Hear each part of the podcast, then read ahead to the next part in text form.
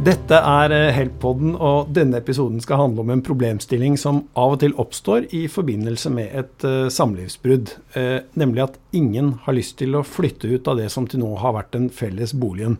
Begge har lyst til å bo der, bare ikke sammen med den andre. Og hvordan skal vi løse dette? Ane Thorbergsen, Tina Berg, begge advokater Help. Dere har jo vært gjennom noen hundre samlivsbrudd eh, til sammen, iallfall, etter eh, mange år eh, med dette fagområdet i HELP. En sånn sak som dette, hvordan angriper vi den? Godt spørsmål. Man må jo først ta en prat med kunden og høre hva har skjedd? Ja. Eh, hvem er det som ikke vil flytte ut? Hvorfor eh, er det det blir sånn at det er en som boende, vil bli boende, eller begge vil bli boende? Mm kan vi prøve å trekke noen tråder for å se om det kanskje skal være vår klient som kanskje kan forstå at det kan være smart å flytte ut. Eh, og noen ganger så eh, stopper det ganske opp. Mm. Må vi skille mellom om de som kontakter oss uh, ved den ene, da, om de er samboere eller uh, er gift? Ja, det er litt ulike regler for samboere og ektefeller. Selv om det også har noen likhetstrekk. Så vi, i denne podkasten skal vi prøve å skille mellom ektefeller og samboere. Ok, Hvor er det naturlig å starte? Skal vi starte med ektefellene eller samboerne? Vi sier ektefeller. Ja. Ok. Eh, vi er gift. Eh, da har vi vel kanskje felleseie, da. Så det er ikke noe sånn Den ene eier ikke nødvendigvis mer av boligen enn den andre, og begge har lyst til å bli boende der. Eh, og så er vi uvenner og kommer ikke til enighet. Hvordan kan dere som advokat hjelpe meg da? For det første så kan man jo eie ulik brøk selv om man har det som heter felleseie. For ja. felleseie betyr jo bare at det deles likt når man går fra hverandre. Mm. Så den ene kan jo eie mer enn den andre i dette sameiet i boligen. Jeg skjønner at du som advokat er ute etter det, fordi at eh, det gir ikke sikkert noen sikrere kort på hånda til den som har størst eiebrøk, men sett at det ikke er noe sånt, da. Vi eier akkurat likedan. Ja. ja.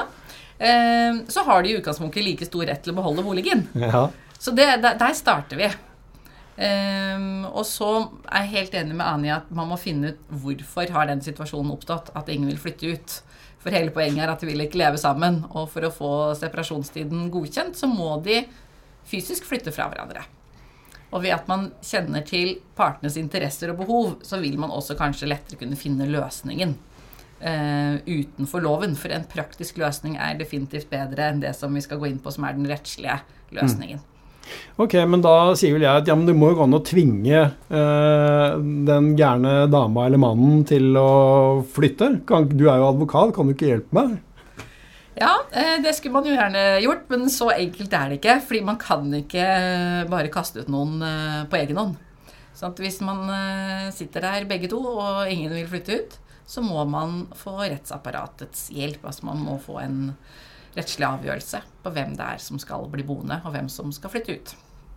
Ok, og hva er det vi spør hva, hva, er det advokaten ber om da, egentlig? Er det namsmannen som må inn i bildet, da? Eller? Namsmannen er jo det eneste i Norge som har anledning til å bruke tvang i, eh, på bakgrunn av rettslige eh, avgjørelser. Så det betyr jo da at først må man da gå til retten for en avgjørelse på om hvem som da skal bli boende midlertidig i den boligen. Mm -hmm.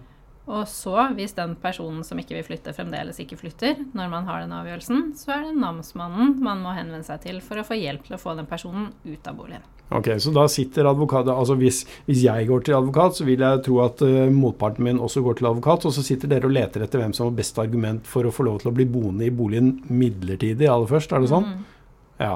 Og hvilke argumenter kan spille inn her, da? Vi har uh, Barn, kanskje.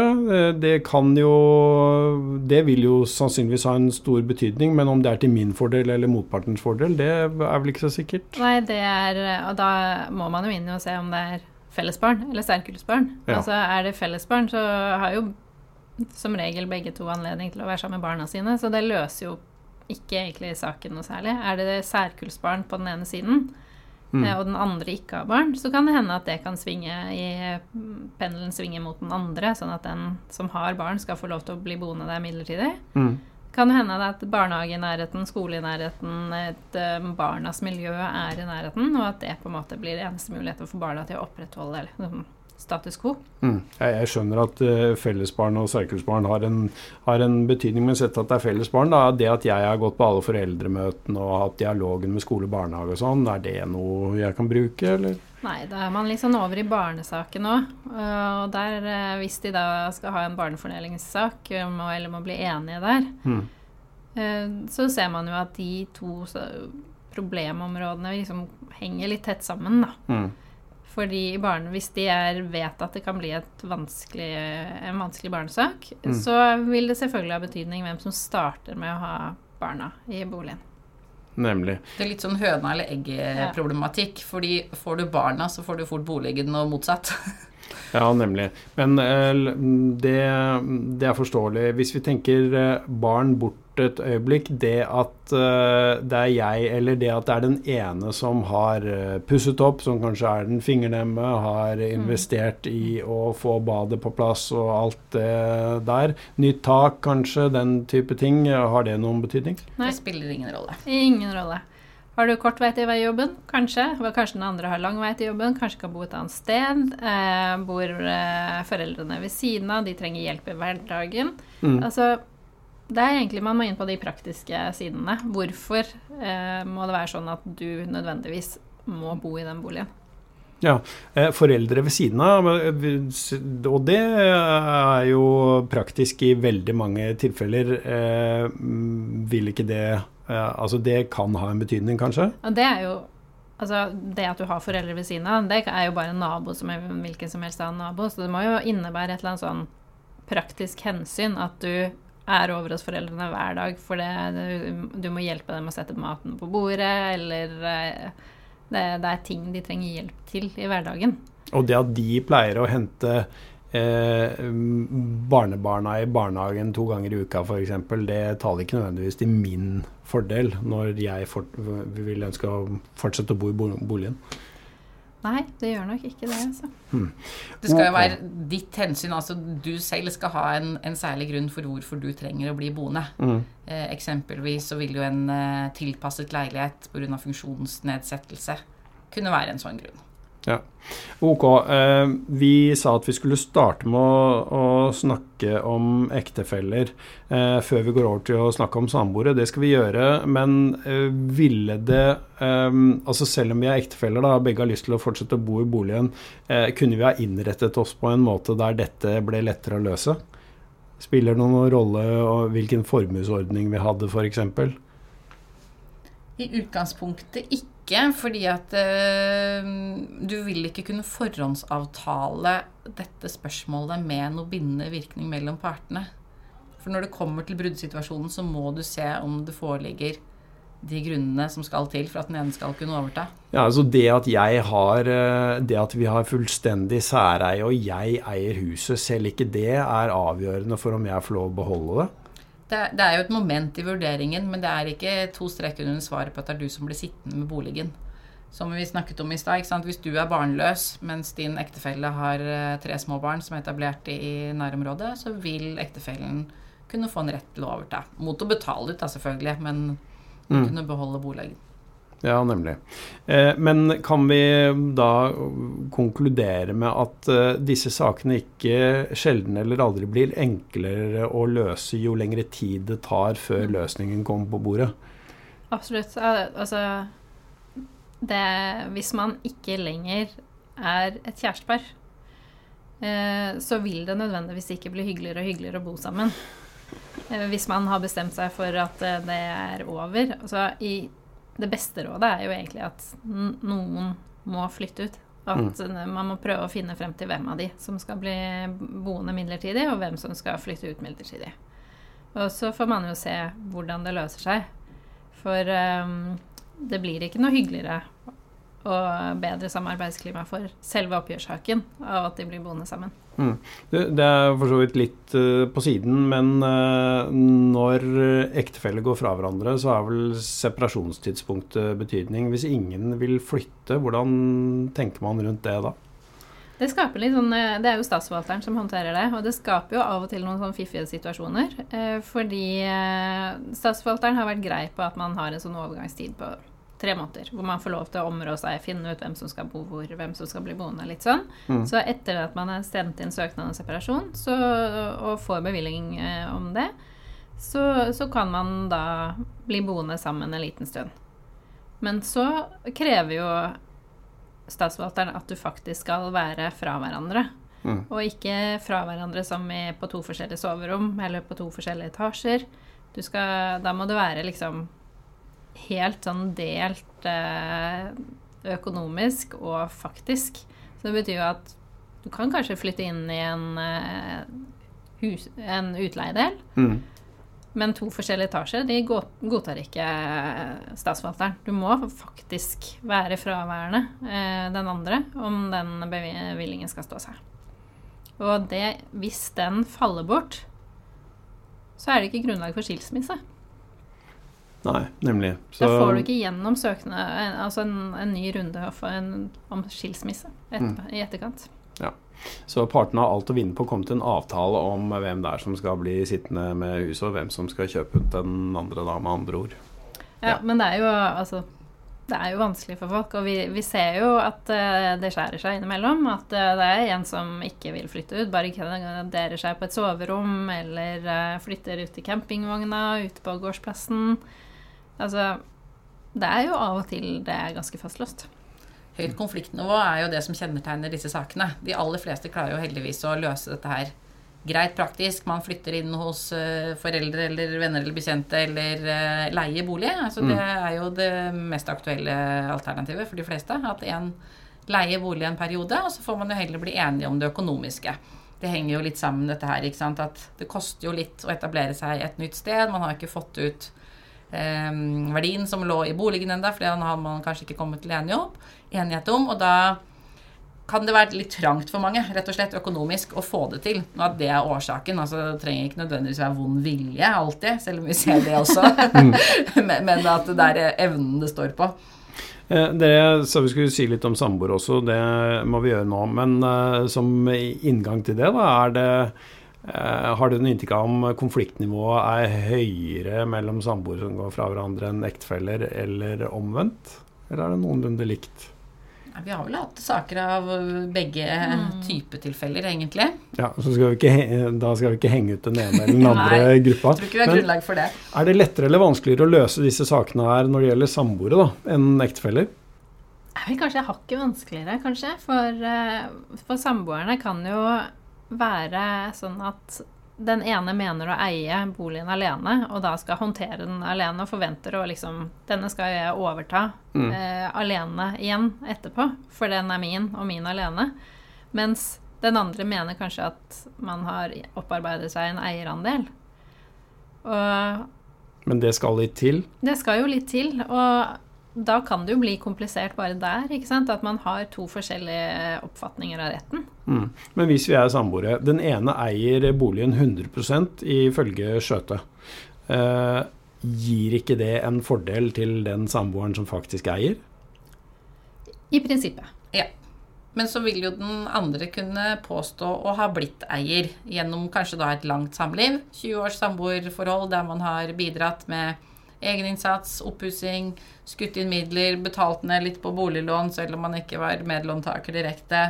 Sånn at man får situasjoner som kan være kompliserte å finne ut av.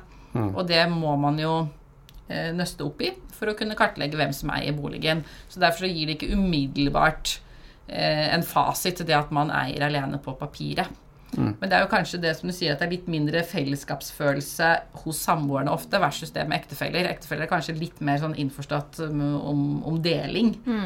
Um, Og så er det jo sånn at selv om den ene eier fullt ut, så kan den andre samboeren få en midlertidig rett til å bo i boligen. Og er det da på bakgrunn av argumenter som har med barna å gjøre, kanskje da? Eller eh, nærheten til disse foreldrene som vi snakket om i stad? Eller tilpasning i boligen fordi man har en eller annen eh, bevegelseshemming, kanskje. Altså, det det er kan mye av de samme argumentene, for så vidt. Det er ulik, ulike regelverk. Altså, for samboere så er vi i husstandsfellesskapsloven, mens for ektefeller så er vi jo ekteskapsloven. Men det bygger jo på de samme prinsippene, at man har mulighet til å få en midlertidig rett til å bo. Hvis man kan eh, vise til eh, gode nok grunner. Mhm. Eh, og det blir jo en interesseavveining her mellom partene. Fordi begge kan jo ha gode grunner, og da må man rett og slett se på hvem har best grunner, og hvem er det som kan Ja. klare seg eh, et annet sted. Så da er det jo retten som kan få noen, en, en litt sånn fiffig interesseavveiningssak på bordet. Eh, du skal si at den ene sier 'jeg vil', og den andre sier 'jeg vil også'. Mhm. Eh, Det er jo i prinsippet det de er, for det, er jo, det skal jo på en måte litt til for å si at den ene har en reelt større interesse av å bo der midlertidig. Og har ingen spesielt god grunn. Altså hvis vi snakker om et uh, ungt par uten barn, og de er eh, friske og raske alle sammen, så, eller begge to, så, så har jo egentlig ingen noe bedre rett enn den andre til å overta. Og da, da kan du egentlig ikke argumentere for at du skal det heller. Ja, men eh, denne midlertidige avgjørelsen som jeg kan få med eller mot meg, hvor, hvor, hvor lang tid får man vanligvis da? Ja, det kommer jo litt an på. Altså, det er jo ofte frem, frem Mm, frem til til skifteoppgjøret. skifteoppgjøret er ferdigstilt, er jo det som ofte står eh, i kjennelsen. Ja, Men betyr det da at hvis jeg i tillegg er litt vrien eh, i skifteoppgjøret, så kan jeg bli boende en god stund? Ja. Ja, Det er jo det som er lovens utgangspunkt, at du blir boende til skifteoppgjøret er ferdigstilt. Eh, og det kan jo ta lang tid. Men det er klart, eh, når man begynner å bevege seg inn hos domstolene, og det begynner å komme kjennelser og avgjørelser, og, så kan det jo være at det gjør at man innser at, at slaget er tapt. Men, men det er jo ikke sikkert. Eh, kan jo ha motsatt effekt også, for den saks skyld. Slik at det blir enda vanskeligere å finne en løsning. Men da må man også være litt på ballen da, når man vet at man trenger kjennelse for å, for å få avklart den midlertidige retten. Så kan det jo hende at man må være litt på ballen for kanskje en rettslig avgjørelse på skifteoppgjøret også. Ja. Man prøver å ja, å få gjort det samtidig. Ja. Om ikke i samme, samme sak, men i hvert fall kjøre parallelle løp. Ja, Men eh, når jeg hører på dere nå, så kan jeg kanskje få litt sympati for de Altså, vi har jo sett eksempler på at eh, den ene kommer hjem fra jobb en dag kanskje, og kommer ikke inn i boligen fordi den andre har skifta lås. Eh, det kan man jo kanskje forstå i enkelte tilfeller. Man kan forstå frustrasjonen i sånne saker. Så er jo selvtekt eh, sjelden en god løsning. Eh, det øker nok konfliktnivået kan gjøre. Eh, og, det er jo ikke tillatt å, bare skifte lås og, sette den andre på gata. Nei. Eh, så er det jo heller ikke tillatt å bryte seg inn igjen, da. Altså, så den som har blitt satt på gata, eh, må jo egentlig da gå rettens vei for å få en midlertidig forføyning for å komme inn igjen. Ok, eh, vi skal gå inn for landing eh, her. Eh, vi skal i hvert fall forsøke. Eh, og det vi i hvert fall kan, kon kan konkludere med, er at eh, disse sakene på ingen måte er enkle å løse.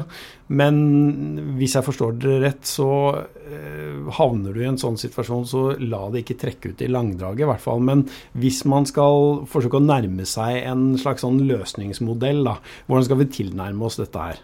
Jeg tenker at Man må først se om det er mulig å få til en praktisk løsning før det blir så fastlåst at det blir en rettslig konflikt ut av det. Ja. Det er jo det aller beste. Så det å finne ut partenes interesser og behov, og se om det er mulig å svelge noen kameler eller gi og ta i andre sammenhenger, at man ser på helheten, og ikke bare isolerer akkurat dette med bolig som en egen problemstilling, det vil kanskje kunne hjelpe. Eh, Men at man også drar inn det med barnefordeling, økonomisk oppgjør, alt i en smekk. Eh, Men går det ikke, så blir det jo bare egentlig kjapt komme seg til retten for å få denne avgjørelsen som skal til, for å vite hvem som har best rett. Ja, Så eh, kommer dere ikke til enighet, så kontakt advokat er vel også et eh, ganske godt uh, um, råd. For da har du en uavhengig part som kan uh, både se saken litt utenfra og forhandle på dine vegne. Takk for at du hørte på Heltpodden, og takk til Ane Thorbergsen og Tina Berg. Jeg heter Dag Are Børresen, og du finner flere eh, episoder om eh, juridiske tema som angår både samboere og ektefeller eh, i Heltpodden.